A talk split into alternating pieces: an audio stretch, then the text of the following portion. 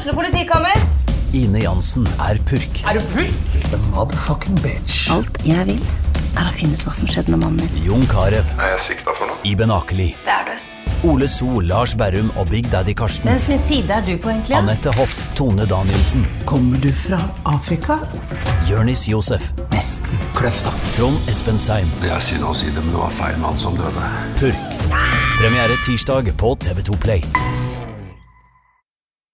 Jeg skulle gjerne tatt uh, Outer Worlds uh, sjøl, altså. Men uh, jeg må Jeg har ikke tid til annet enn uh, den Fifa-serien og uh, Death Stranding akkurat nå. Altså, Hva hvis jeg tar Death Stranding, da? Og så tar du Outer Worlds?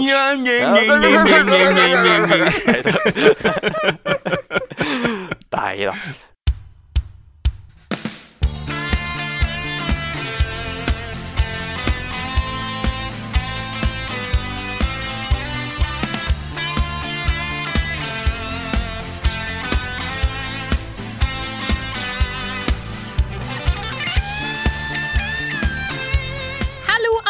og velkommen til en ny episode av podkasten Level Backup. som kommer til deg med spill, nyheter og alt mulig rart. Jeg er Frida Damme, og med meg har jeg som vanlig Carl Nei, ikke Carl! Herregud, den er Sinneby! Herlig, Frida! Herlig, herlig, herlig. herlig Rune Fjell Osen og Niklas Halvorsen. Hallo, folkens. Yes, yes, yes. Yes, yes. Hei, Frida. Å, jeg håpa at det skulle skje noe gærent her. Det gjorde det, vet du. Hvorfor er det liksom det, det er, å, Jeg merker når jeg skal ha stream, og jeg klarer jo ikke å på en måte gi ting ting ordentlig. Hva var det som gikk galt på stream i går? Jo, det var da jeg hadde streamen i bakgrunnen, så alt ble ekko. Det er alltid når jeg skal lede et eller annet. Så Ja, men jeg syns du er flink her, Frida. Altså. Det, er bare, det er små ting, liksom. Det er, det er liksom det er morsomt at det slår litt sprekker i den perfekte fasaden din. Ikke sant? Det er derfor det er litt gøy. Ja, det er godt å høre. Ja, ja, ja. Nei, hvordan har vi det? Rune og Nick som ikke er Carl. Nei, det går bra. Det har vært, øh, det har vært stressende uker, men da ikke bare fordi jeg 50% av øh, Buffkitten Ice øh, ikke er på jobb. Men det har vært barnebursdager og alle de tingene som jeg snakka om i forrige gang òg. Det har vært intenst. Og så har jeg da årets sannsynligvis største utgivelse som ligger der hele tiden nå, som jeg sitter og spiller, som jeg ikke kan snakke om ennå. Men uh, det er liksom store ting. Ja, og så har vi en stor, stor produksjon på gang med Good Game. Øh, som også tar masse tid. Så det, har vært, det er ganske stressende nå, men det er gøy, da. Det skjer masse, liksom. Det er uh, kule dager. Kjekt vi har gjort litt annerledes ting òg. Mm. Og så fikk jeg endelig Monte Carlo i uh, Destiny 2, Shadowkeep, som jeg har jakta på nå i 150 timer. Så ja. Hva, er Alt i alt ganske bra uke. Det er en veldig bra autorifle, og den er sånn at når du får kills med den, så genererer du ability, abilityen din. Eh, noen ganger så er jo det sånn punch abilities, eh, kaste kniver eller uh, kaste smoke nades og sånne ting. Så du kan gå rundt og være en sånn skikkelig sånn der maskin ikke sant, med det våpenet. Det er veldig kult. Ah, er, er det den som er hvit? Den hvite exotic? Stemmer det, Det er Destiny 1 Exotic som er tilbake. Ah, stemmer det. Ja, ja. Mm. Så du koser deg med det? Jeg har ikke fått brukt det noe særlig ennå, jeg har bare fått det. Ja, Bare okay. ok. kjenne på den følelsen av at det har droppa for meg. Jeg er happy, liksom. Ja, nice. Ja, du da, Nick? Hvordan går det? ja, det går fint. Jeg har eh, Jeg si Jeg, jeg fikk melding på stream i går at jeg måtte tannlegen. Det, ah, det, det jeg, jeg tror ikke jeg har hull. Jeg har ikke noe vondt i tenna eller noe sånt. Jeg er flink til å pusse og spiser lite godteri, bortsett fra fersken og sånn. Så, så er litt, det er litt stress, siden det er eh, Nå er jeg i, i jobbmodus, ikke sant? Da har jeg ikke lyst til å bli distrahert av det. Og så dro jeg en tur til en kiropraktor og brakk opp ryggen min, og Så nå går det egentlig ganske greit. Er det bra? Ja. Jeg har, litt vondt, har hatt litt vondt i ryggen i det siste, for jeg har sitt- sittet en del. Og jeg fant jo ut at jeg, jeg har tydeligvis noe som heter kontorskulder, eller et eller annet sånn tulle-tullete greie. Mm. Så jeg, jeg, jeg trodde at jeg kunne fikse det med å gå skikkelig mange turer, men det, det går ikke. Så da må jeg gjøre noen sånne eh, Jeg hadde jo en-. Øvelse. Ja, en øvelse. Jeg, jo, jeg hadde jo en eh, bedriftsfysioterapeut innom eh, på jobb fordi at jeg ville ha ny stol og ny pult. Og da har jeg fått. Jeg har fått sånn fancy ergonomisk stol som jeg kan sitte alle mulige retninger på. Og jeg kan ha fått meg hevsengbord, så jeg eh, har på en måte mye frihet. Og da fikk jeg beskjed om at det er en grunn til at en i undervisningssammenheng og sånt bare skal jobbe liksom, eller har en time forelesning kanskje, så har en pause. Og det er fordi at kroppen din klarer ikke, bør egentlig ikke sitte så mye lenger enn da heller. Så egentlig, mitt, mitt dagens tips er hver time gå og beveg deg litt, et par minutter. Mm. Det er nok lurt. veldig dårlig på det sjøl, men jeg er veldig god til å gi tips til andre. Jeg er også veldig dårlig på det. Jeg, jeg er jo ryggoperert, eh, og det var ikke pga. at jeg har sittet for mye, fordi det var et fall, liksom. Et ordentlig stygt fall, da. Men da de tok uh, MR-scan av ryggen min, så hadde jeg også den, sånne kontorskuldre. Og du kan altså få sånne mikroprolapser i nakkevirvlene. Eh. Altså i rygg, ryggsøyla, ikke sant, helt opp ved nakken. Det hadde jeg, da.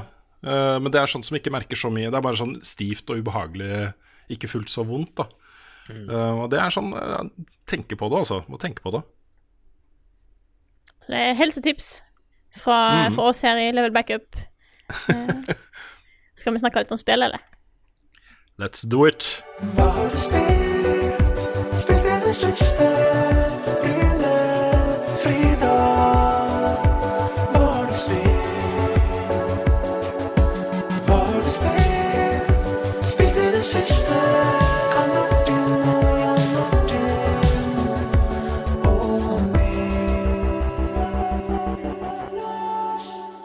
lyst til å begynne? Rune, du, har- har- du har spilt Destiny og Death Stranding.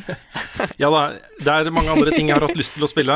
eh, Blant annet et spill som Nick skal snakke om, som jeg har eh, mast meg til kode for det også, men det har jeg ikke fått testa ennå. Og et annet spill som kom denne uka her, som jeg gleda meg til kjempelenge. eh, Og det kommer jo da også gratis på Apple Arcade.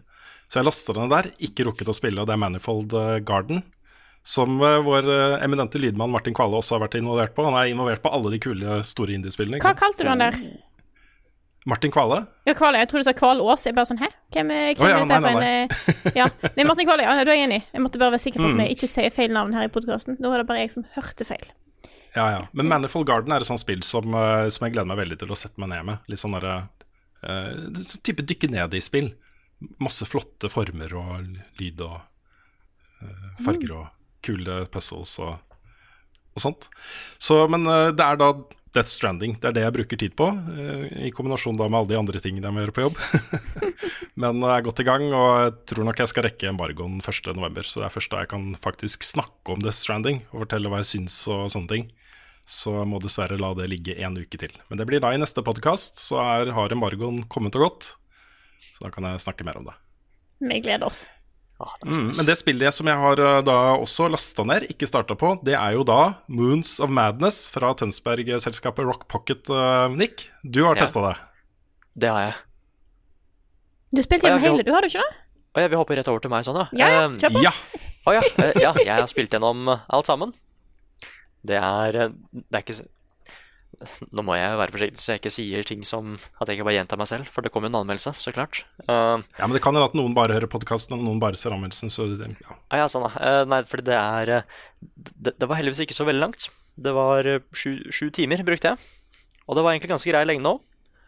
og det er et sånt der Det er et cosmic horror low craftian skrekkspill, da. Det handler om at du er en astronaut på, i et research-team på Mars. Dere skal jo så klart gjøre science som kan hjelpe menneskeheten, ikke sant? Men så begynner det å skje noen, eh, noen merkelige greier som science ikke kan forklare.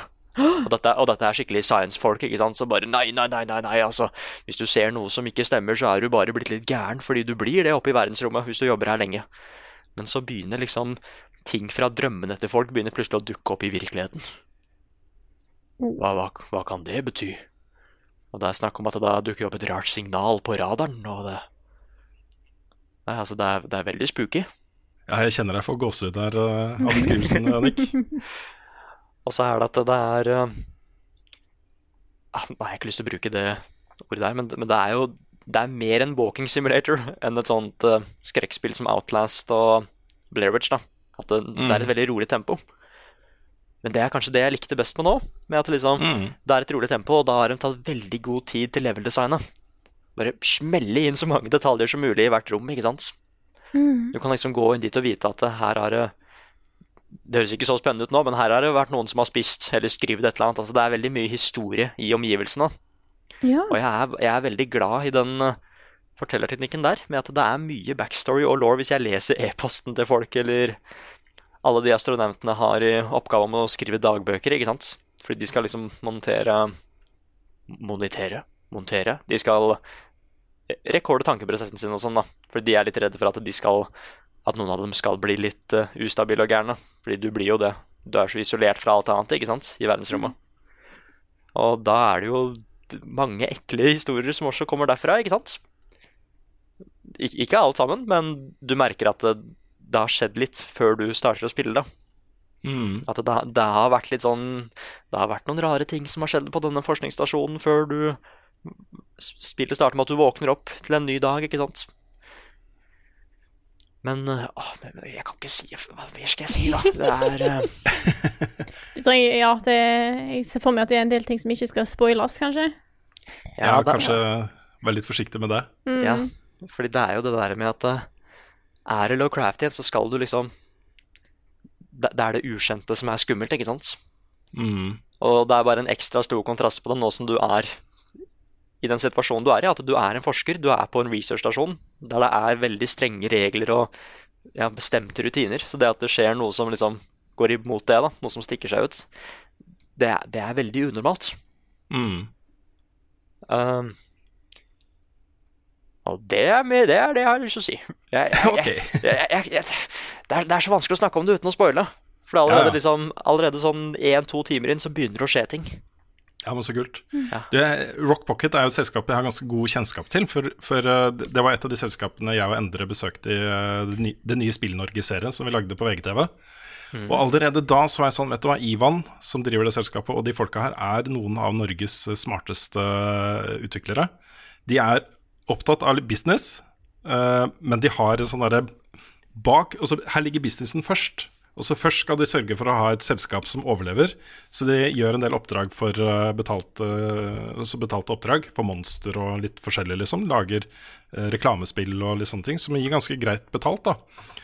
men de har Målet deres er jo liksom da å utvikle den store liksom hjertebarnet sitt, ikke sant. Og da vi var der, så jobba de med et prosjekt som etter hvert ble skrinlagt. Uh, og siden den gang så har de lagd et par sånne prosjekter hvor, som har starta med at de vant NM i gameplay og sånt, Shiftlings f.eks. Uh, men dette spillet her er så smart, fordi her kan du her kan du bruke alt du har av kreativitet og uh, skaperglede og sånt, innenfor en sjanger som er litt lettere å lage enn et sånn derre open world, massivt triple A blockbuster-spill, ikke sant. Uh, du kan fokusere på narrativet, du kan fokusere på uh, stemning og sånne ting. Og syv timer syns jeg høres helt perfect ut for et sånt spill. Det er liksom mm. fort Hvis det blir to, liksom, to timer, tre timer, sånn som uh, Funcoms The Park, var også ja. veldig bra, men det var liksom to timer. Kanskje ikke nok da, til å liksom få en sånn ordentlig leve seg inn i den verden. Så mm. jeg, jeg syns hele det spillet bare høres smart ut, altså. Jeg håper det er bra også. Jeg, jeg kan si at jeg det er, det, er, det er, et par ting jeg har problemer med i spillet. Men mm. helhetsinntrykket mitt er at jeg, jeg liker det. Kult. Det, det, kan jeg si. Kult, kult. Det er ute nå, da, på PC, ikke sant? Og så kommer det på konsoll og sånt i januar, var det det? Å, det vet jeg ikke, men det er ute på jeg PC. Det. Jeg tror det er januar eh, de sikter mot på PlayStation 4 og Xbox One. Sounds good. Mm. Men du får busy dager nå framover, uh, Nick. Ja. Uff a meg, altså. Kommer det, kommer det et par greier på fredag? Ja, det, hva er det som kommer, da? Det er, eh, det er Call of Duty. Ja. Holdt jeg på å si Outer Wilds, det er ikke det det heter. Uh, Outer Worlds. Out, Outer Worlds. Ja. Og så er det så er det jo et par spill til jeg også har lyst til å anmelde, men vi, vi tar bare mm. det aktuelle først, ikke sant? Nei, sånn er det en busy, en busy tid, mm. men, det er, men, det er, veldig spennende. Ja, kult. Er det noe mer du har fått teste denne uka, Nick? Ja, så har jeg spilt med Batman. Det, det som dukka opp i huset mitt. Ja. hvor, hvor fader meg det, det, Tidenes jumpscare var i det spillet hans. Shit. Det, det dukka opp en svær flaggermus, og mer skal jeg ikke si. Ja. Hmm. Jeg skulle gå til en sånn der ledge, og så bare dukka det opp en sånn svær flaggermus som skreik midt i ansiktet mitt. Så jeg var ikke forberedt i det hele tatt. Jeg hadde det er et av de få spillene hvor jeg spiller det med headset, ikke sant? fordi han Batman bruker denne radioen sin til å få opp signaler. Veldig mye av sideaktivitetene må du finne selv, da. så da må du høre på disse signalene. Så da hadde jeg litt ekstra høy lyd da, og det var dumt. Skikkelig, skikkelig, skikkelig dumt. Og det høres bra ut. Skal jeg eh, overta, Nick? Ja, du kan ja. overta. Jeg har fortsatt, fortsatt på Children of Morta siden sist. Og jeg har klart å ta den dungeon jeg satt fast med på stream. Og så har jeg kommet meg gjennom hele det området, for det var tre, områder, eller tre dungeons i det området som er det første, og kommet meg til neste nivå, eh, og jobber meg videre der, da. Så jeg har spilt en del timer. Jeg føler ikke jeg har kommet spesielt langt. Så jeg har nådd det punktet at jeg liksom er sånn Er det jeg som er dårlig, eller er det spillet som er vanskelig? Jeg tror det er en god kombinasjon av at jeg ikke helt har skjønt hvor spillet er best å spille med hva av um, de du slåss med som er best å bruke og sånne ting. For du får jo unlocka ganske mange karakterer her. Det er dette som jeg snakka om da forrige uke, det er sånn rogelight. Uh, litt, kanskje litt sånn Diablo-ish. Um, der du spiller noen folk i en familie som skal fikse opp i noe corruption som er i området. Og først så får du en fyr med et sverd, og så får du en med eh, som skyter med pil og bue, og så du, får du en liten kid som har uh, dual blades, som du får rundt og bare liksom sånn rogue-aktig, bare driver og liksom bare superkjapt dodger rundt omkring. Ganske kul karakter. Uh, og jeg har fått alle karakterene nå gjennom ganske kule, kule små historietråder som egentlig er skikkelig søte. Uh, Så jeg er veldig glad i dag, da spillet jeg er her, med at han viser deg små klipp, små, liksom små innblikk i hva, hva som skjer i familien, hva de bryr seg om, sånne ting. Um, men jeg unlocka ene karakteren, og nå tror jeg jeg har skjønt Jeg tror jeg har skjønt spillet. Nå tror jeg eh, at jeg har fått til det. Jeg satt der tidligere i uka og tenkte OK, la meg bare på en måte sjekke først Hva er det internett mener at det er på en måte er gode karakterer? For jeg tenkte liksom, er det Gjør jeg noe feil her? Og da fant jeg ut OK, tipset var å bruke den ene range-karakteren som jeg nettopp har låst opp. Tror jeg til Lucy. Lita jente som kaster fireballs. Og fy fader, det er gøy. For da har du en herlig kombinasjon av gode range attacks, så du bare står og bare liksom bare pøser på med, med fireballs, som i tillegg skyter små sideskudd, og det er så mye greier. Nå har jeg fått på en egen sånn herre blokkgreie som tar unngår damage, og så kan jeg bruke en, en virvelvind. Hvor kommer den fra? For å liksom bare fange enemies der, og så kan jeg bare kjøre på med mer fireballs. Vet du hva, dette her er så gøy. Så jeg sitter og koser meg sånn med liksom hver hun lille her, som bare er tidenes fire mage. Eh, og bare ta livet av alt er der. Så jeg kom meg, jeg kom meg til siste boss nå, i den dungeon. Kom til bossen i den dungeon uh, da jeg spilte sist. Uh, Tapte så da sang! Så nå skal jeg uh, prøve meg på nytt. Det jeg syns spillet gjør så kult, nemlig, er da at det tvinger deg litt til å måtte teste de ulike karakterene. Fordi hvis du bruker én karakter en god stund, så får han corruption sickness av å ha vært i dette corrupta området så lenge. Så da må du la den hvile, og så prøver du de andre. Eh, og i tillegg så er det ikke noe eh, Det er ikke sånn at du er nødt til å levele opp hver enkelt karakter. Sånn at hvis du ikke har brukt en på en god stund, så er de skikkelig dårlige. Fordi at alt med damage og health og sånne ting eh, Alle de boosts og sånne ting, det går felles på familien. Så når jeg på en måte unlocker at jeg skal gjøre mer damage, så unlocker jeg mer damage på alle. Så alle er like sterke. Det er bare at jo mer du bruker de, jo mer får du unlocka egne skills, som gjør at de har flere skills de kan bruke. Så det er egentlig veldig, veldig, veldig clever. Så jeg, eh, jeg får egentlig bare mer og mer sans for dette spillet, spesielt nå som jeg på en måte følte at jeg, jeg knakk litt den koden eh, for hvordan jeg skulle spille det, etter litt mange timer. Men nå har jeg i hvert fall skjønt det. Jeg eh, følte meg veldig god med, med Kevin, som gikk rundt og bare for med dobbel dual blade, som bare for rundt og liksom bare smekka dudes her og der. Men nå, nå tror jeg jeg har skjønt det litt mer, altså. Det er Det var historien om hvordan eh, Frida fant sin mojo. oh, ja, nei, jeg, altså, jeg koser meg veldig med det. Jeg har én ting som jeg kommer til å For jeg, jeg håper jeg rekker å anmelde det. Det spørs hvor lang tid det tar for meg å på en måte komme gjennom dette. Eh, for det kommer jo andre spill. Det kommer et spill neste uke som jeg gleder meg veldig, veldig, veldig, veldig, veldig til, for eksempel. Eh, Så, men jeg håper jeg skal få til en anmeldelse her.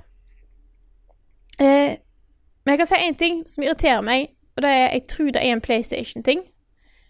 Det er så enormt lange loading screens at det burde ikke gått an. Jeg skjønner ikke hvordan det går an at et spill har så dårlig performance. Og nå er det jo at jeg, jeg spiller jo med en vanlig PlayStation 4, ikke Lighten. Den er liksom original PlayStation 4. Den er jo ikke like god som en Pro. Men det er sånn med en gang jeg kommer en loading screen, bare sånn, å, da tar jeg fram telefonen. Mm. Fordi at jeg vet at nå kommer jeg til å sitte her et halvt minutt og måtte vente på dette her. Og det er hver gang jeg dør, det er hver gang jeg kommer til et nytt nivå. Det er liksom hele tida. Det tar Hvis du er i huset og velger meny, og så skal du gå ut av den menyen, så tar det godt to sekunder før du går ut av den menyen. Det er litt performance issues her, altså. Og det er så synd å måtte trekke et spill på grunn av det. Mm. Så da er litt Ja, det er eh, eh, ja. vanskelig å vite akkurat hvordan man skal håndtere det. Men her ser du jo eh, hvorfor. Både Microsoft og Sony nå snakker om at eh, kortere loading-tider er liksom en av de største prioritetene for eh, PlayStation 5 og nye Xboxen, ikke sant? Mm. Det er et irritasjonsmoment for folk. At man må bare sitte der med kontrolleren i fanget og vente. Og så er det, det, du tar det, det tar deg så ut av opplevelsen. Mm. For Ja, det, det er derfor det er et problem. Mm, jeg er kjempeengasjert. Og så bare sånn Å, nå må jeg vente.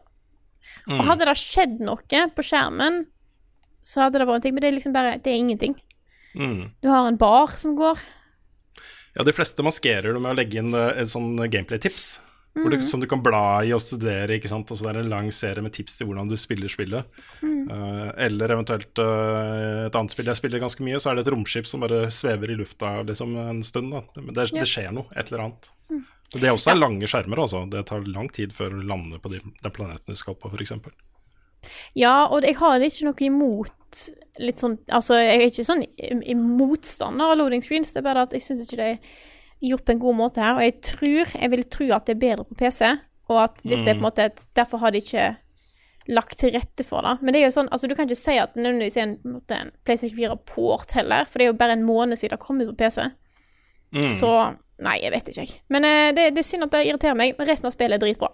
Da er mitt uh, tips. Hvis du trenger noe å kose deg med, og som bare er, har så mye sjel, herregud, så, eh, så prøv Children of Morta. Ukens anbefaling. Ukens anbefaling. Ukens anbefaling. Ukens anbefaling. I dag har vi en anbefaling som kommer først og fremst fra Rune, men det kan være Nick har litt innspill her òg, tror jeg. Ja, Vi snakka litt om det i går, og anbefalte Nick å få sett den episoden han også. Men nå er jeg da tilbake til å anbe anbefale TV-serier. God gamle Rune er tilbake med TV-serier. Ja, ja, ikke sant? Nei, men uh, Watchmen, tegneserieboka Watchmen, er jo Jeg regner det jo som en av mine favorittbøker.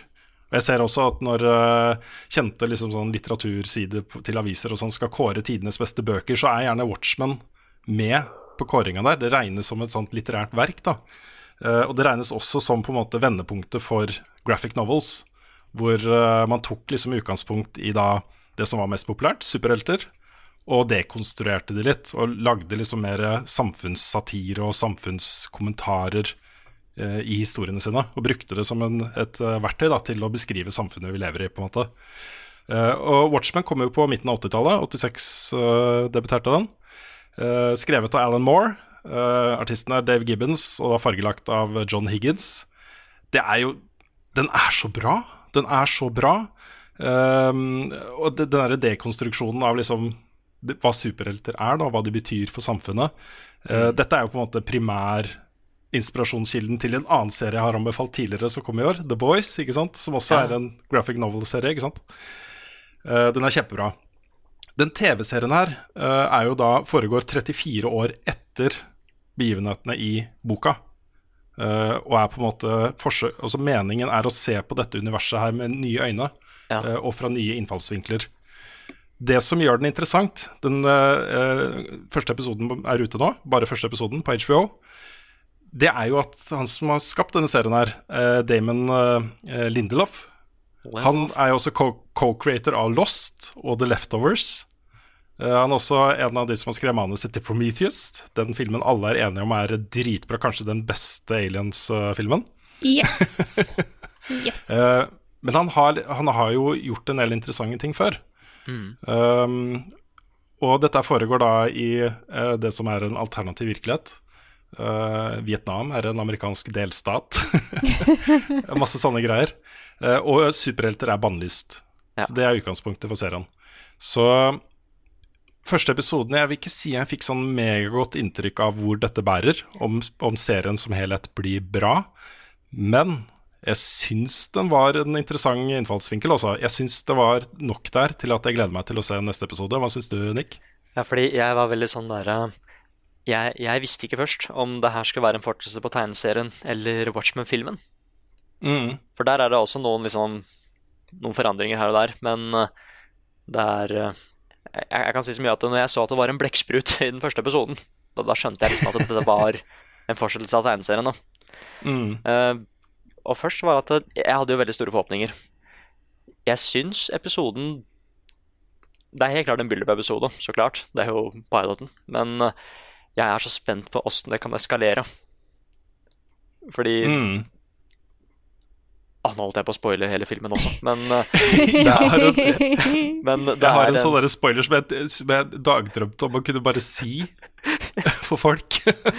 Men jeg, jeg kan jo ikke det. Jeg kan si, jeg kan si det mellom eh, etter vignetten. Før neste spalte kan jeg fortelle dere den. Ja. Nei, og jeg jeg liker sånne ting som ble hinta litt i tegneserien. Som hvem, som hvem som kanskje skulle bli president og sånn. Er president i TV-serien. Ja, det er morsomt. Kan, kan, kan jeg si hvem det er? Ja, det kan du si. Ja, det er jo han derre han, han, han, der- han der, der Redford. Robert Redford Ja. er president, den lengst uh, sittende presidenten i USAs historie. Ja, ja, ja. ja og så, så liker jeg bare det at det er veldig, veldig mange easter eggs.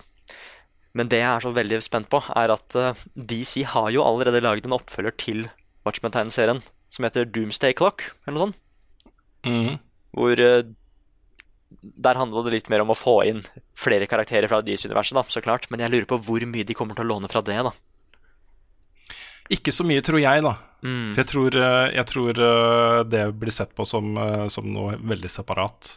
Ja, ikke sant? Og også filmen, filmen til Zack Snyder var jo en, et veldig sterkt forsøk på å gjenskape Helt ned til liksom scenesettinga fra rutene i tegneserieboka. Mm. Eh, det var veldig trofast, følte jeg, da, til eh, opphavet, selv om de måtte ta seg noen, eh, noen friheter. Ja. Nei, det er, egentlig slutten på filmen som plagde meg litt. For det er en så veldig Mm. svær kontrast til tegneserien. Men det jeg er Mm. mest spent på, er Jeg har så lyst til å vite mer om Dr. Manhattan. Jeg er så spent på hva rollen hans Jeg, jeg tror ikke han har en så veldig svær rolle. Men, det er Ja, han den er jeg bekrefta som, han er bekreftet som en av de superheltene fra originalen som fortsatt vil på en måte være med på et eller annet vis her, da. Ja, fordi det er, det er noen som fortsatt er igjen. Mm. Selv om det har gått uh, 20-30 år. Og det, det er spennende. Mm. Derfor jeg venter på den der med at akkurat nå så er det ikke så veldig mye superpowers eller noe sånt i den serien. Men jeg er så veldig spent på hva det kan bli. Og så ser jeg så veldig mye av måten historien er bygd opp på, at dette er den samme karen som sto bak The Death Rovers. Mm. Det er bygd opp veldig likt. Ja. Så jeg eh, Første episoden var ikke helt sånn Jeg, jeg forventa kanskje litt mer, men jeg kommer fortsatt til å se på. Fordi det er bare build-up, ikke sant. Og jeg er veldig Mm. spent. Jeg vet ikke hvor mange Ja, sånn episoder er det blir, jeg. Om det... Det her føles ut som en sånn enten åtte eller eh, maks tolv episoders sesong. Ja. Det er gjerne det når episoden er en time lange, så kan man nesten gå ut ifra at eh, det er tilfellet. ja I hvert fall ti. Det, hadde- det hadde jeg likt veldig godt. Mm. Ja, det er det er et spennende univers, og det, det virker som om du bruk, benytter anledningen også til å drive litt sånn dagsaktuell samfunnskritikk, som da også originalen gjorde. Også selv om det er satt i alternativ virkelighet, og det foregår i alternative universer, og det er superhelter og sånne ting, så brukes det veldig, veldig bevisst til å beskrive et samfunn vi faktisk lever i. da. Eh, Og her har de jo fått en del nye momenter å ta tak i og sette søkelyset på, ikke sant, i eh, 2019. Så ja, jeg tror det her kan bli bra, altså. Yeah.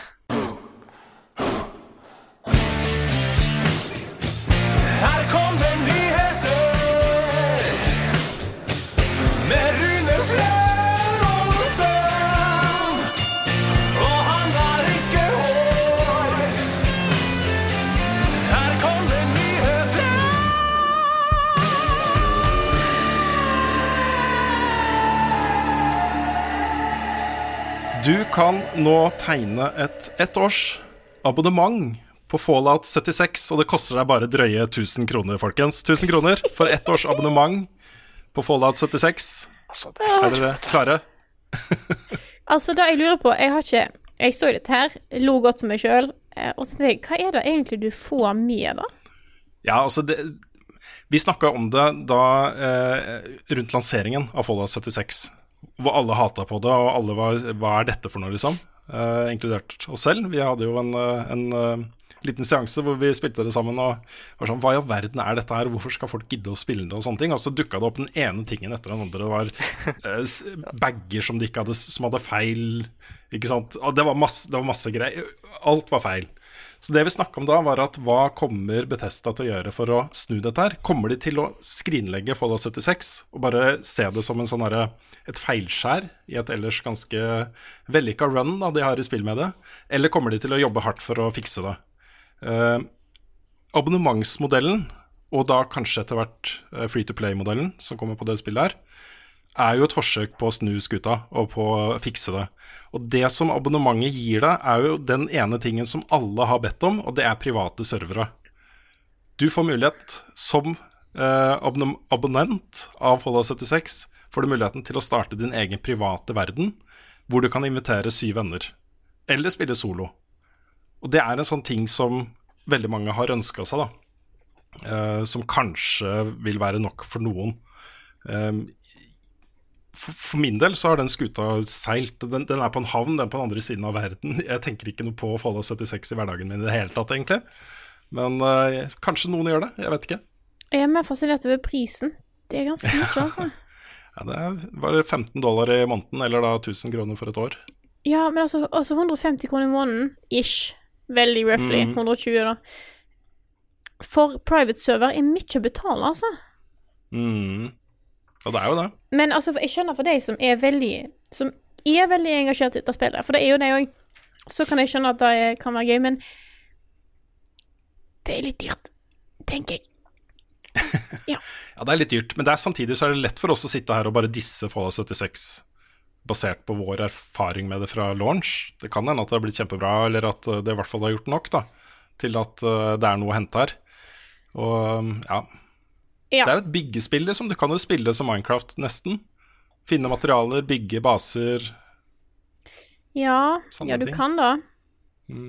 Jeg bare, det er bare så mye forskjellig som har skjedd i dette spillet med nye updates, sånn som jeg har fått med meg litt innimellom, som gjør at jeg på en måte har fått Jeg har jo ikke spilt det sjøl, så jeg har jo egentlig ingenting jeg skulle sagt. um, men jeg har bare fått inntrykk av at det, det liksom En ting er alle disse tingene som har skjedd med bagene og sånt, men at det har vært en del feilgrep innad i spillet, og spesielt når det kommer til mikrotransaksjoner. Men det er jo en fanbase her. Det er jo noen som fortsatt er glad i det. Så jeg håper at dette er noe lignende det de ønsker seg. Mm. Jeg, bare, jeg var ikke sikker på om de var klar for å måtte betale så mye for det.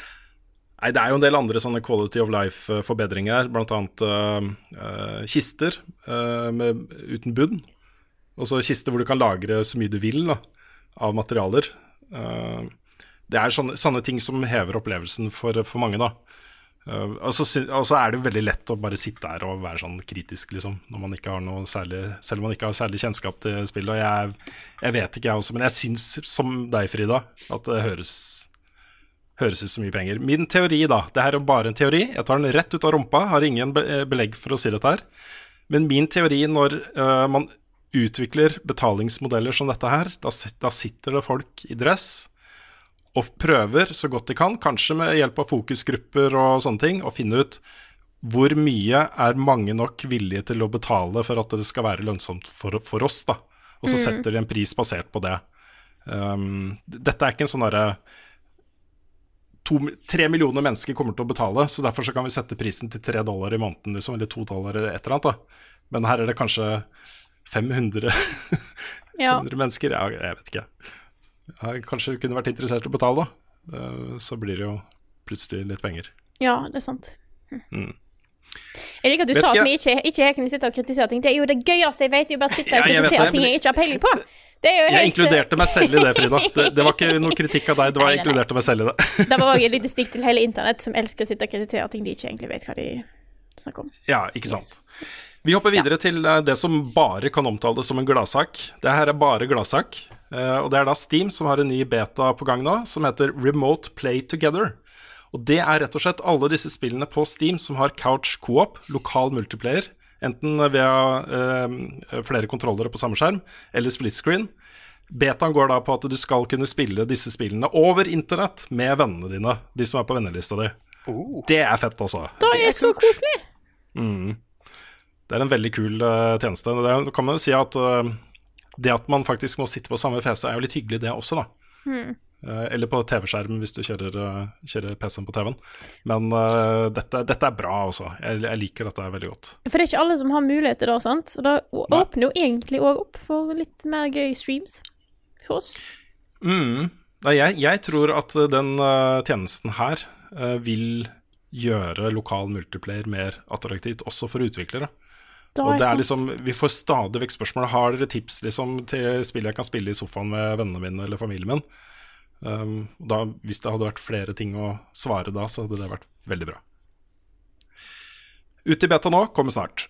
Og så uh, er det jo den store lanseringa, den største lanseringa, for det er flere store lanseringer denne uka her, eh, Call of Duty Modern Warfare. De har nå gått ut og snakka litt om eh, hvordan disse monetization-modellene er for Modern Warfare. Og de sier nå at det ikke vil komme lootboxer i spillet i det hele tatt. Det vil ikke være lootboxer, eh, sånn som det har vært i COD eh, tidligere. Uh, Isteden går de for denne modellen som jeg ser nå flere og flere, inkludert Destiny, går for, og det er Battle Pass. Hvor du har en eh, free-modell, som også det er to løp da, over en hel sesong. På eh, level sånn og sånn så får du det og det.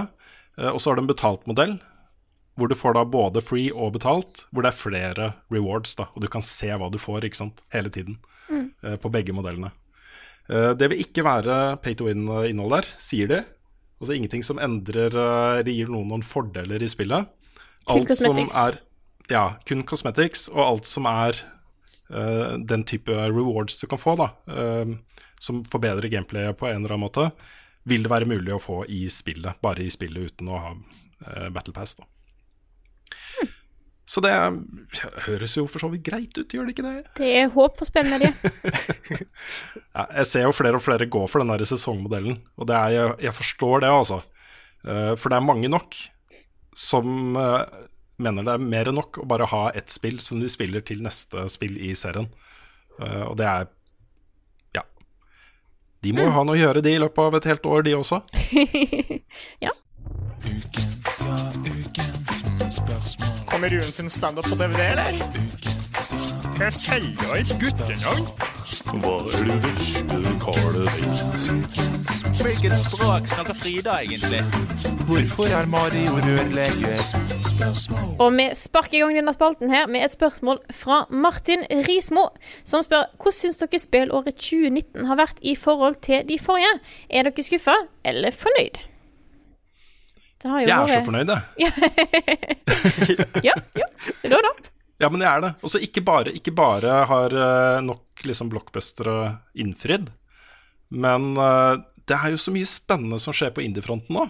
Og så ting som jeg mener er blant årets aller beste greier, liksom. Outer og spennvidden Ikke sant? Mm. Og eh, Sayonara Wild Hearts og uh, Observation og det, er, det har vært så mange sånne opplevelser i år. Uh, Untitled Goose Game som har kommet inn. ikke sant? Så spennvidden min på topp ti er så stor nå. Det er så mange forskjellige greier der. Det syns jeg er herlig, altså. Det er veldig, veldig spennende spillår, dette her. Syns jeg. Ja, Jeg er helt enig. Det er så mye forskjellig. Og så er det så mange det er, Jeg prøver å finne ut på en måte, hva er det som har kommet i år. For det er så altså, Spillåret har vart så lenge allerede. Og det er så mye mm. Det er så mye kult. Men det, altså, Det er det jeg også. sitter bare og tenker tilbake igjen på ting som Jeg glemmer jo ting som Sekiro har jo kommet i år. Eh, Det har det, vet du. Eh, mye, mye gøy. Jeg prøver liksom å gå igjennom hva, hva er det jeg har anmeldt. Jeg prøver å gå gjennom den lista der. Bare sånn, for da er jo et, på en måte et godt eh, utgangspunkt. Men Mm. det er veldig mye stilig. Men jeg er helt enig. Det er liksom innfridd både på tripla og indie-fronten. Da er det et bra spill òg, da. Mm. Og så er liksom uh, Ok, Sekiro Jeg er fryktelig glad i Sekiro. Jeg elsker det.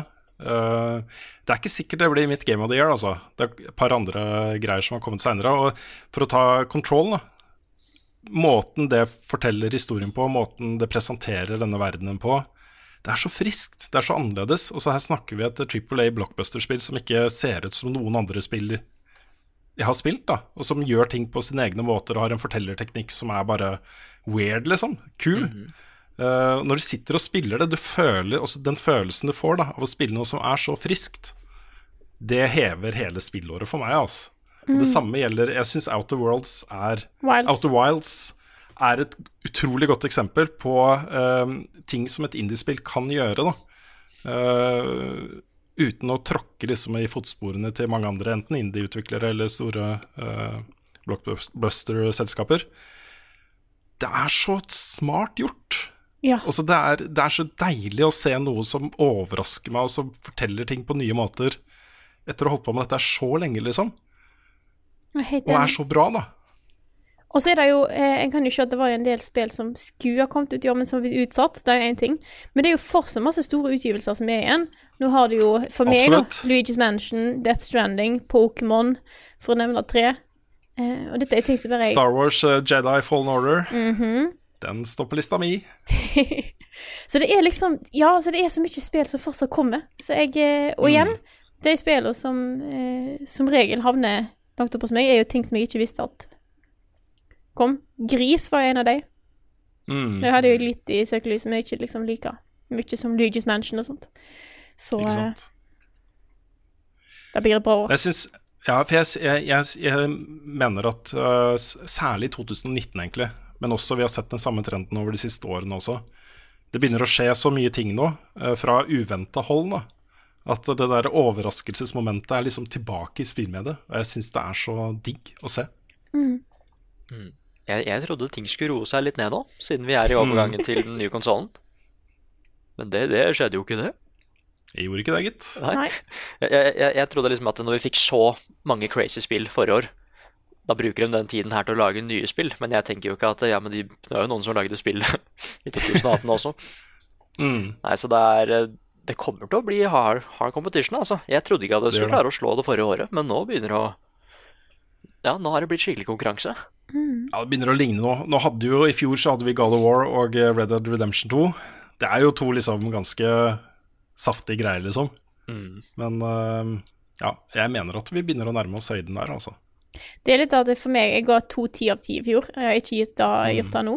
Uh, men det er Vi får se. Mm. Jeg ga så to tiere.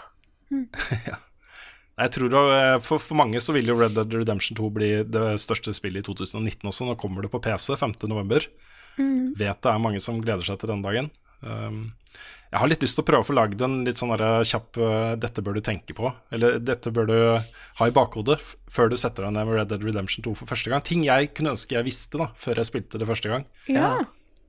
Det skal jeg prøve å få gjort. Fordi eh, for meg, da, andre gjennomspilling av det spillet var den beste. Hvor jeg hadde satt meg ned, jeg hadde spilt gjennom uten guides eller noen ting.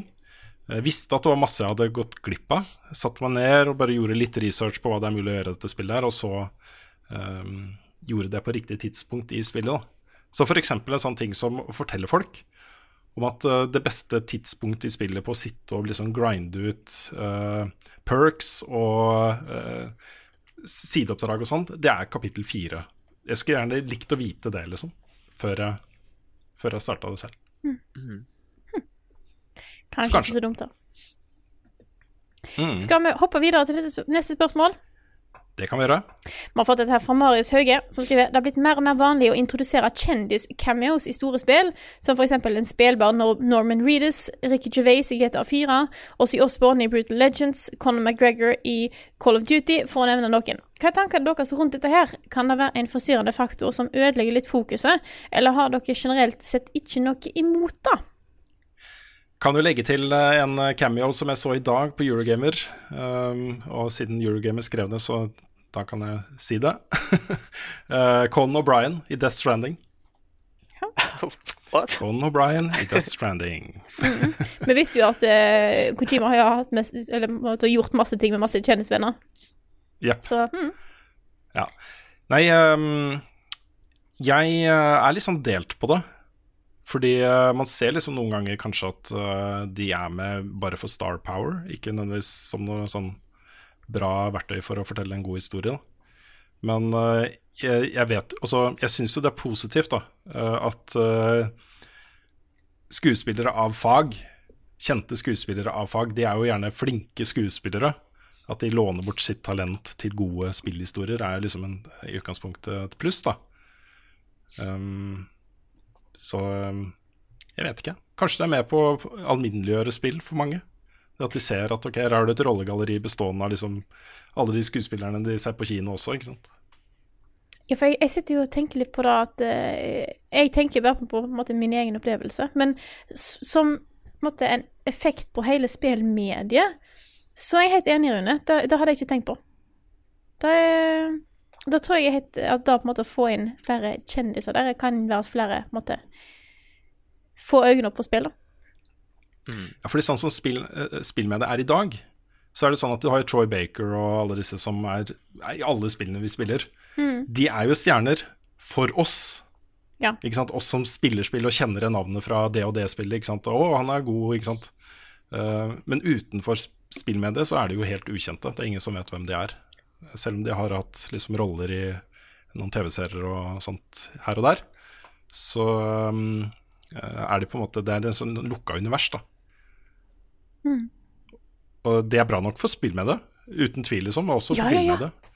Men uh, det, det, det hjelper liksom ikke. Du kan ikke selge et spill til folk som ikke er opptatt av spill, med navnet Troy Baker. Nei, sant det da. Mm hmm. Jeg må jo òg si, hvis vi kommer til liksom personlige opplevelser, da eh, Hvis det er et veldig kjent ansikt, eh, så blir jeg kanskje litt mer hengt opp i det at det er den personen, enn at det er den karakteren i det spillet. Men Mm. da er òg litt motseende, for da er ikke et problem jeg har når, de, når du har på en måte skuespillere som går igjen i filmer. Så jeg vet ikke, jeg har ikke helt bestemt meg. Jeg tror det er mer på en måte at det er tanken Altså sånn, Hvis jeg tenker på det, bare sånn Ja, der har vi den personen. Den er en kjent person. Det er ikke en egen karakter i spillet jeg spiller. Så blir det et mer problem enn det det faktisk blir når jeg setter meg ned med det. På en måte. Mm. Så Ja, for du må jo leve du må jo liksom akseptere at øh, skuespillere spiller vidt forskjellige roller i film òg, ikke sant? Og der er det jo ikke et problem. Der er det ingen som snakker om det. Nei. Så, Det er sånn jeg tenker òg.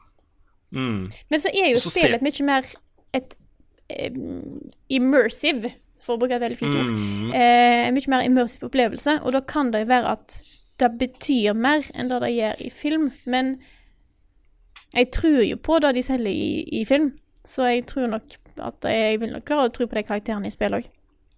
Mm. Vi går jo mot en fremtid eh, også hvor eh, dette her blir et enda mer interessant spørsmål. Når du ser i ordentlige filmer, liksom, altså live action-filmer, hvordan de gjenoppliver døde skuespillere, f.eks., digitalt. Mm. Hvordan de gjør skuespillere 40 år yngre, og, og det ser tilnærma ekte ut. da. Uh, du har Battle Angel Alita, hvor hele hovedpersonen er digital. Eh, mens alle andre er ekte personer. Da. Eh, og når du går mot det, da, så vil det jo både oppstå virtuelle superstjerner, altså eh, digitale skuespillere som blir kjente, liksom. Kanskje like kjente som ekte skuespillere. Men også digitale versjoner av ekte skuespillere som kan være med i f.eks. film, eller eh, i scener som ville vært umulig å filme ellers, og sånne ting i, i filmer. da. Eh, så det er et ganske interessant eh, område, dette her, altså. Han er kul, den der eh, Er det deepfake, det der det heter? er ikke? Ja. Åh, Jesus. Deepfake-teknologien. Fader, altså. Det er skummelt, altså. Og Det er kult. Det Jeg er så, ja. Ja, det der intervjuet uh, Deepfake-intervjuet med Bill Nader på et talkshow. Hvor han er Mhm. liksom både Tom Cruise og Arne Schwarzenegger. og ja. Det, er, det er så freaky å se på, altså. Og så er det liksom, for meg så er det bare, det bare plutselig popper opp, og så var det, var det på en måte dritbra. Så jeg er spent på hva det vil si Nå er, jeg, nå er jeg, Dette er en digresjon, da. Uh, jeg er spent på hva det vil gjøre med på en måte hele nyhets- og mediebildet, når du plutselig kan kanskje få fake videoer av folk Mm. som er vanskelig å se at det er fake. Mm. Der eh, må det komme reglement på hva, hvordan ting skal merkes, altså. For uh, Ja, hvordan skal man få til det, liksom? Den reguleringa av hva som er tillatt å publisere på sosiale medier, er jo liksom ikke Den er jo helt fraværende. Mm. Det er jo eh, De prøver kanskje, de sier de prøver i hvert fall, men det dukker jo opp falske nyheter hele tiden, ikke sant? Som folk blir superengasjerte over. Det var en serie som jeg har anbefalt eh, tidligere, som kom tidligere år, som heter eh, Years and Years, en BBC-serie, hvor det dukker opp da en politiker, spilt av Emma Thompson, som i utgangspunktet, helt liksom i starten av serien, så får du et veldig klart inntrykk av hvem hun er, basert på hva hun sier og hvordan hun fremstår på uh, TV-skjermen. Så kommer det fram da etter hvert at uh, bak den fasaden så uh, på, hevder jo hun at eh, det du så på TV-en, det var ikke meg. Det var ikke jeg som var der, liksom. Dette var fake video, da. Og sånn kommer det til å bli, altså. Sånn kommer det til Ja. å bli. Det er dritskummelt. Hun pisker opp hele stemningen, ikke sant? lager en slags revolusjon med den uh, tilstedeværelsen sin på TV-skjermen. Og så er det ikke sikkert at det var henne allikevel, ikke sant. Nei, sant. Ah. Da er digresjonen sin, ja. Jepp. Eh, nå har vi sporet sånn av. Skal vi kanskje bare ta neste spørsmål? Vi kan gjøre det. Har dere et på lur? Ja. Ja, ja, ja, Jeg kan- jeg har også en. Ja, kjør på, Nick. Nick. Ja, det er fra Skal vi se her, det er fra uh, Håkin Nei, Håkin faktisk. Håkon Brostigen. Hva er deres favoritt-Disney-film? Min er nok 'Sverdet i steinens jern'. Mm. Favoritt-Disney-film jeg, jeg tror fortsatt det er Hercules, altså. For der, der, der er den beste musikken. Eller, eller Lø- Lø- Løvenes konge har det beste soundtracket, men når det kommer til sånn derre Jeg, jeg syns den beste låta er I Can Go The Distance, ikke sant? I Hercules. Veldig mye bra musikk i Hercules. Ja, så er det jo gresk mytologi, og jeg, jeg er jo glad i det. Jeg sier jo ofte uh, Wally på dette her. Den, er, den står veldig sterkt. Men jeg, jeg, den Det er så mye gode Disney-filmer, så det er litt vanskelig å si, altså. Jeg, jeg måte, Når jeg prøver å tenke på hva er det som har gitt meg så sterke opplevelser Så jeg, du, hver gang jeg ser eh, to gode venner Toddekopper, så jeg, vet jeg bare sånn Dette går gale. Nå, nå, dette oh, går gale på, den er på det altså. tidspunktet. Den er så fin. Og det er altså så mye gode klassikere i Disney-universet som jeg bare er så glad i. Aristokattene. Fy fader, for en film det er. Mm. Altså, og 101 dalmatinere Mange av disse er good old classics, men det er Den er, den er vanskelig, altså. Mm. Ja, nei, jeg vet ikke. Jeg, jeg har en mistanke om at det kanskje er 'Løvenes konge', men uh, når du, med en gang du sa 'To gode venner' så Den har jeg fortsatt uh, ikke sett på originalspråket, og det er litt synd, for det er jo Kurt Russell og Hvem er det han andre igjen? Det er Kurt Russell og Den har jeg kun sett på norsk, jeg mm, Mm. Ja, Nå husker jeg ikke det i farta, men jeg har veldig lyst til å se den på originalspråket. Det er sånn kul kombo av skuespillere som har, uh, har originalstemmene der, da. Um, men 'Løvenes konge' sånn av de an animasjonsfilmene er kanskje den mest fullkomne, syns jeg. da altså, Den har jeg sett så mange ganger også, og den er så perfekt regissert. Og så eh, Komposisjonen i alle scenene, det passer så godt, og er liksom, jeg blir så glad av å se det. da Mm. Jeg er helt enig. Så kanskje. Har du et eh, spørsmål, Rune? Ja da, jeg har opptil flere. Nei, så bra. Um, eh, vi kan ta et her fra Jon Magnus eh, Restad, som er jo veldig aktuelt for oss akkurat nå. Mhm. Eh, jeg skal kombinere det med et annet spørsmål også. Men eh, spørsmålet hans da er hvor tror dere de største fordelene ligger i at dere nå deler lokale med gamer? Og kan dere snakke litt om hvordan dette eventuelt vil spille inn på Level Up sin hverdag i tiden framover? Uh, og så har vi et spørsmål fra Petter Hagelund. Sikkert blitt spurt om før, men hvor kommer egentlig firmanavnet Buffkitten fra? Eh, og vi har snakka om det før, men jeg kan eh, ta en liten repeat for folk. Eh, og utgangspunktet her var jo for Carl og meg, da vi satte oss ned og bestemte oss for å lage et eget selskap, var jo at ok, vi har Level Up, vi har med brandet, det er der vi skal produsere innhold og sånne ting. Men hva om vi får lyst til å gjøre noe annet, eller kanskje hjelpe andre til å lage ting, eller produsere noe for noen andre, den type ting. Altså måtte vi ha et produksjonsselskap. Og eh, da tok vi liksom utgangspunkt i den modellen som allerede eksisterer. Det var jo Monsterfilm og Anti-TV og alle disse som produserer TV-serier for de store TV-selskapene. Uh, så vi ville gjøre det, da. Eh, ha på en måte sånn derre litt sånn fiktivt produksjonsselskap bak Level Up Norge, hvis du skjønner hva jeg mener. Ja. Eh, Det skulle jo være oss, liksom. Men eh, kanskje gi oss frihet til å gjøre litt andre ting, da. Så har du produksjonen som er bak der, vet du. Alt Produksjonen. Ja. Mm. Og det vi fant ut av, var at vi, det navnet kan ikke være for seriøst. Det kan ikke være Level Up Production AS, liksom. Um, eh, det må være noe helt annet. Og det må på en måte signalisere litt hvem vi er, da. Så dette her var jo en brainstorm. Eh, Det var jo Lars og Carl og jeg som satt og bare en kveld hos Carl storma litt ideer, liksom. Eh, Og endte opp på Buffkitten. Det var det første, første selskapsnavnet som alle lo av og syntes var morsomt. Eh, og umiddelbart etterpå så kom det jo eh, Da vi registrerte oss i Brønnøysundsregistrene, så ville jo firmaadressen vår være meow at buffkitten.no. Vi syntes det var kjempegøy. Nå kan alle disse folka som prøver å selge oss uh, plass i telefonkatalogen og kulepennene med logoen vår på og sånne ting, ja, kose seg med å sende mail til meow at buffkitten.no. Så det er egentlig utgangspunktet. Det er ikke noen stor tanke bak det. Men vi så jo også for oss at det kan liksom animeres, det kan bli en figur. Buffkitten kan jo være en figur, en maskot, ikke sant, som kan animeres og lydsettes og bli en sånn derre monster, sånn logoting, da, som vi Mm. har etter produksjonene året. Så vi er ikke helt helt i mål der ennå. Jeg ser for meg da mørk stemme som kommer og så er det liksom sånn Buff-kitten. Og så er det en sånn superliten søt katt og bare sånn mjau. Ja. Ser jeg for meg eh, mm. Veldig god idé, Frida. Takk. Da lager vi bare den. Ja. Derfor jeg har lyst på det. Liksom. Nå har vi jo en sånn eh, den rulleteksten som vi har etter videoene våre. Så avsluttes jo med bare eh, en Buffkitten-produksjon eller Buffkitten AS copyright og så var det liksom. Mm. Der, der har vi lyst til den plakaten, ikke sant. Som er animert og kort. Greit. Men det, det leder meg inn i neste, også det forrige spørsmålet, om hvordan hverdagen vår eh, påvirkes eh, av å sitte sammen med gamer.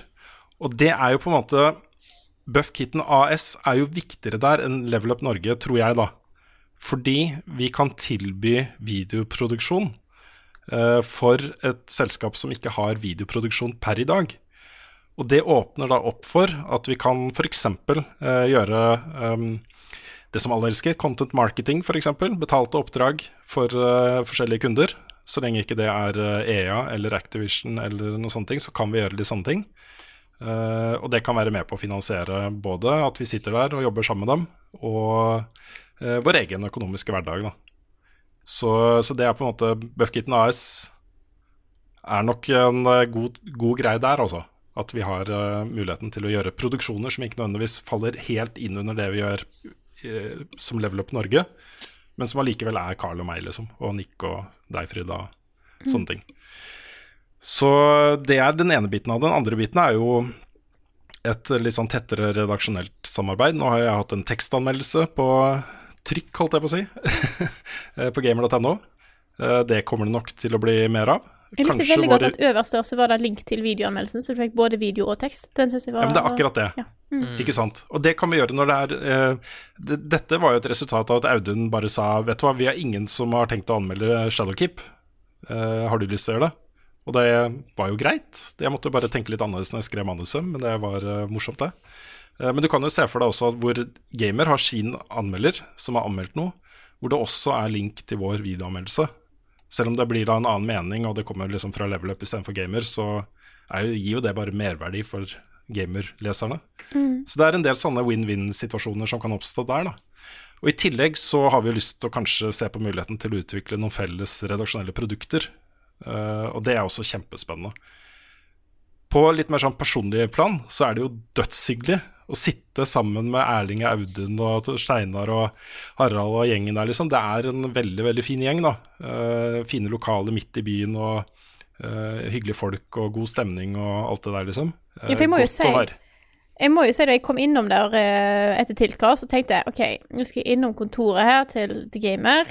Jeg kjenner jo Audun, jeg kjenner jo Erling, men sånn Hvem andre er det som er der? Det vet jeg egentlig ikke. Så kom jeg inn der og så måtte Hvem er det som er på kontoret? Det er, det er Audun og Erling. Ja, OK, supert. Da kjenner jeg alle her. Herlig. Good shit. Det var på en måte så enkelt. Ja, det er en veldig hyggelig gjeng. Altså. Vi, vi, eh, vi matcher bra. Altså, vi går Mm. godt sammen. Uh, og, og det er fint også, å være i et fellesskap igjen. Og I tillegg så er det bygget, Mesh-bygget midt i byen, er jo sånn gründerbygg. Hvor det sitter masse dritspennende selskaper da, som vi ikke har fått uh, snakka så mye med ennå. Men det er jo f.eks. et helt TV-studio der, green screen TV-studio, med et eget selskap som jobber med den type ting. Eh, Det er et podkaststudio, det er liksom masse greier. Det er pingpongbord i første etasje, som folk er Det brukes hele døgnet.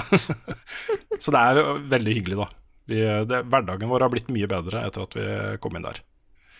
Så det var mye, mye svar på et uh, kort uh, spørsmål, men uh, det er en fint, fint folk spør og bryr seg.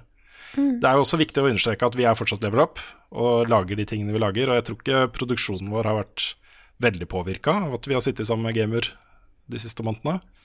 Vi skal fortsatt lage de tingene vi lager, og vi er fortsatt level up Norge og alt det der, liksom. Så i kroner og øre så betyr det bare litt, litt høyere lønn for Carl og meg. Det er det eneste det betyr, da, i penger foreløpig for Mm. høsten her. For det var liksom prekært at vi eh, måtte få inn litt mer inntekter.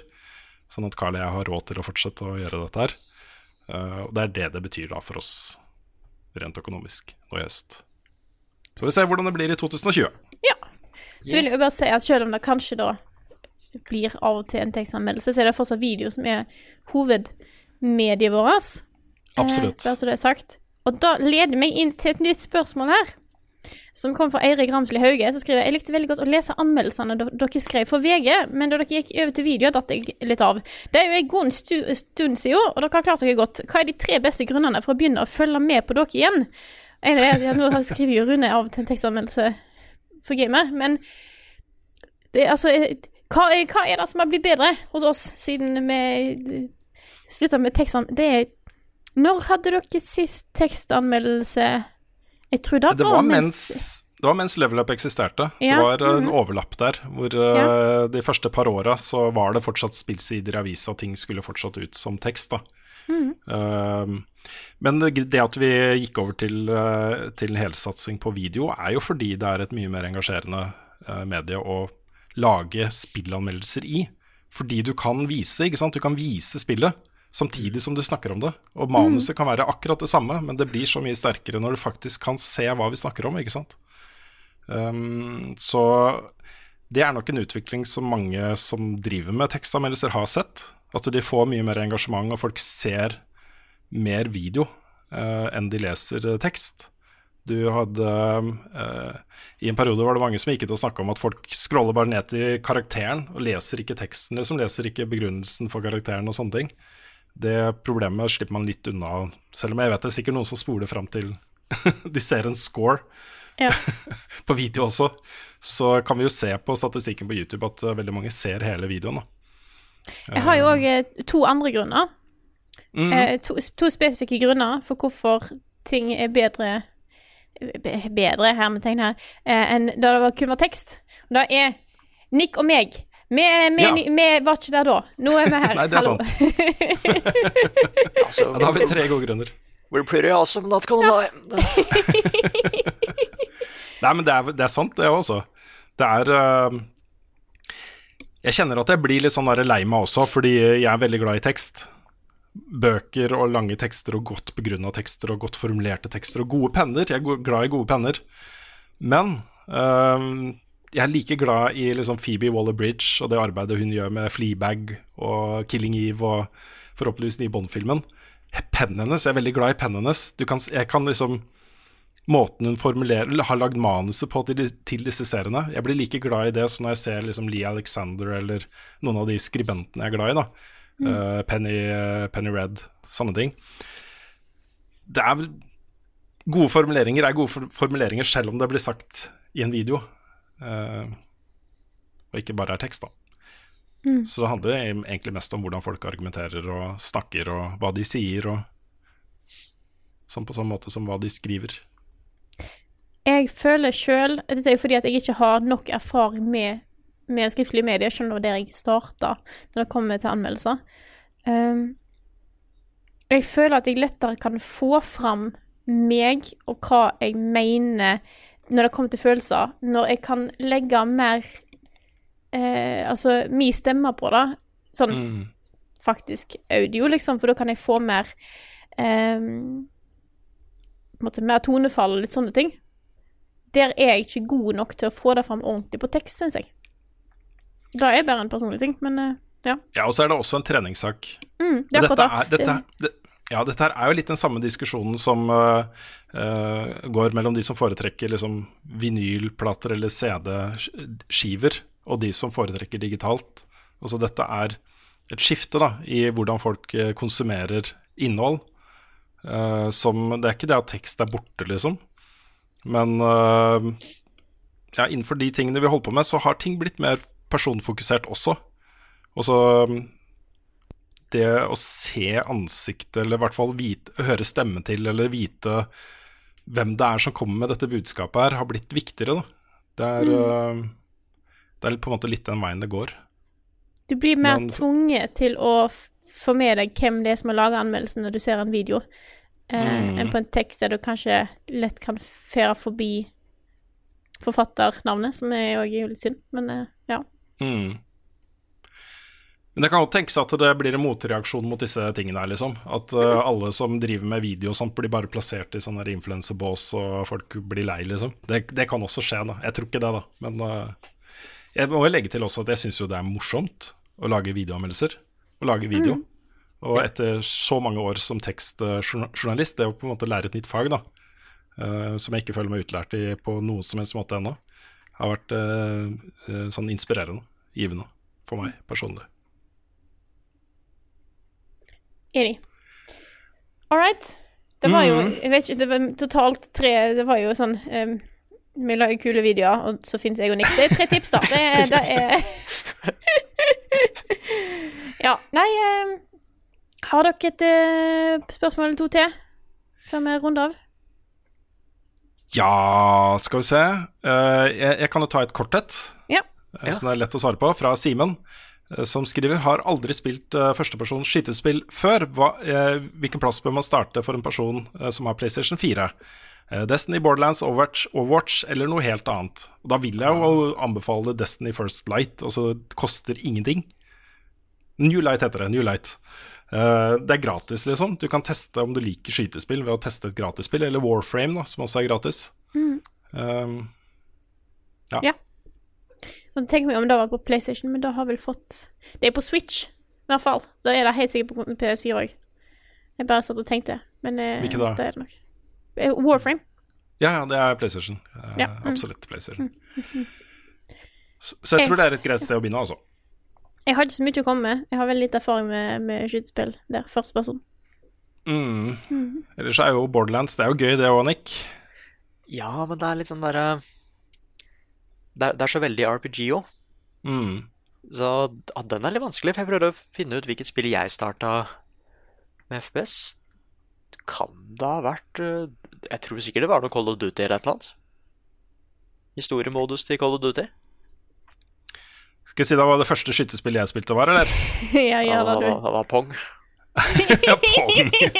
Nei, men det er det samme svaret, da. Det er Wolfenstein 3D. Det var det første skytespillet jeg spilte. Det var det første Det var kanskje ikke det teknisk sett første skytespillet, men det første som ble litt stort, da.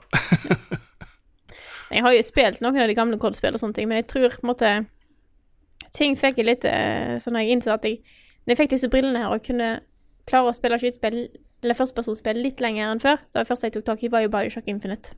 Mm. Så der starta det i moderne tid for meg, da. Å, det er, jeg tenkte ikke på Bioshock engang, vet du. Vet du det er hva, det er så- Ja, eller Portal, kanskje? Bare Ja, for å for få ville- feelingen ja, med førsteperson og Det er jo ikke et førstepersons skytespill i seg sjøl, men det, du har jo en portal gun, så det er mer et puzzle. Ja. Men det er på en måte, hvis ikke du har spilt da, så må du i hvert fall ta tak i det. Eh, tvang, faktisk. Det var må, ikke bør.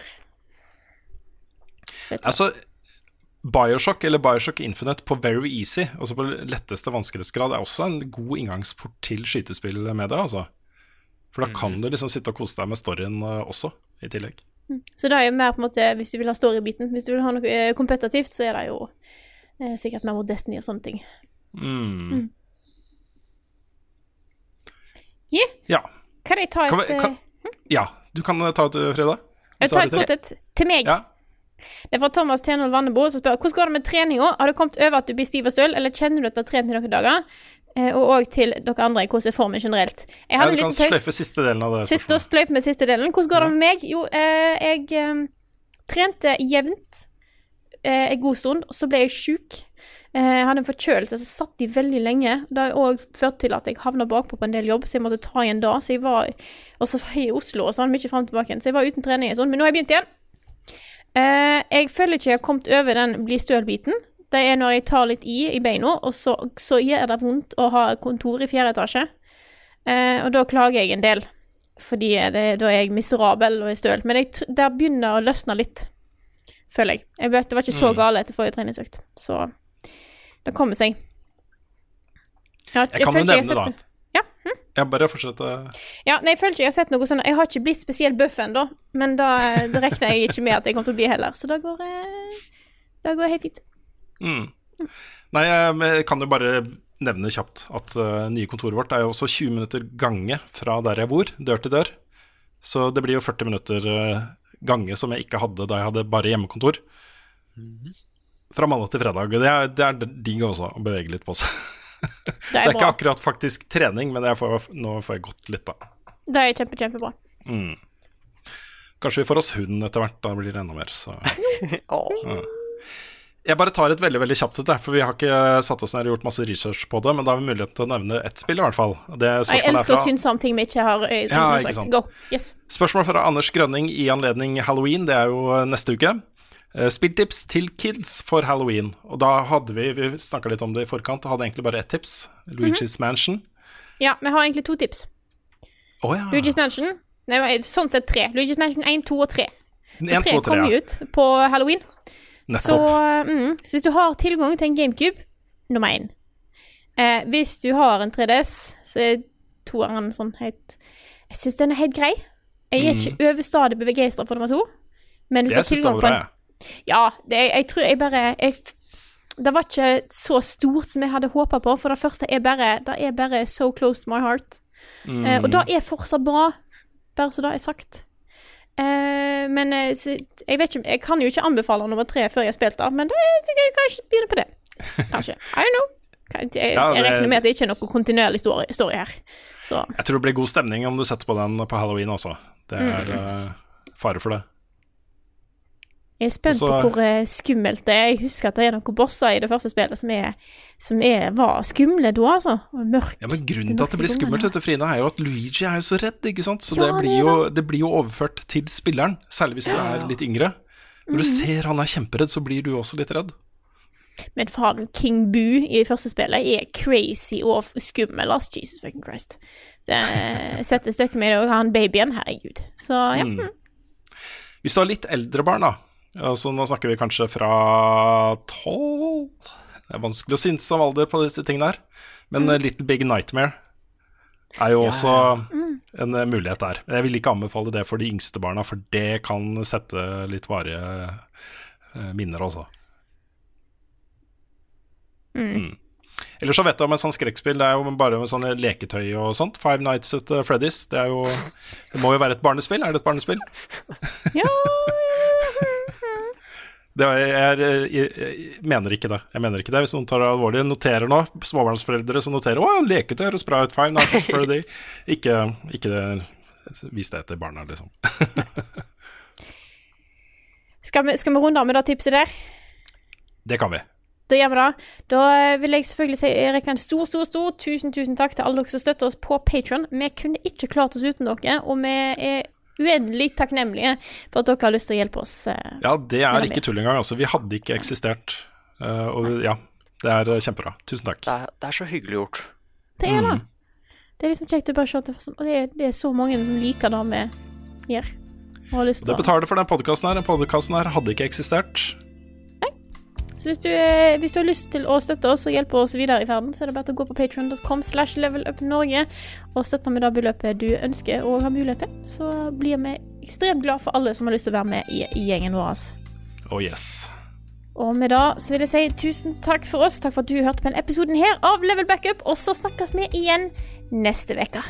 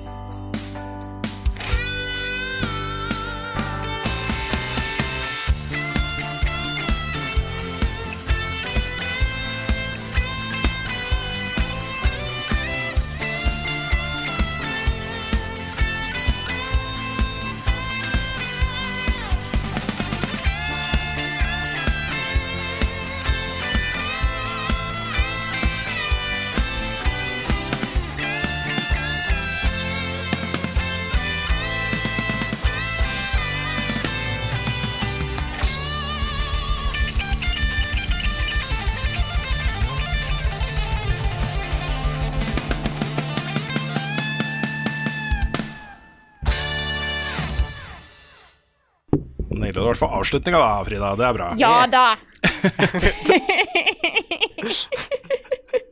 Sånn skal jeg se. Har du et enkeltpersonforetak eller en liten bedrift? Da er du sikkert lei av å høre meg snakke om hvor enkelt det er med kvitteringer og bilag i fiken, så vi eh, gir oss her, vi. Fordi vi liker enkelt. Fiken superenkelt regnskap.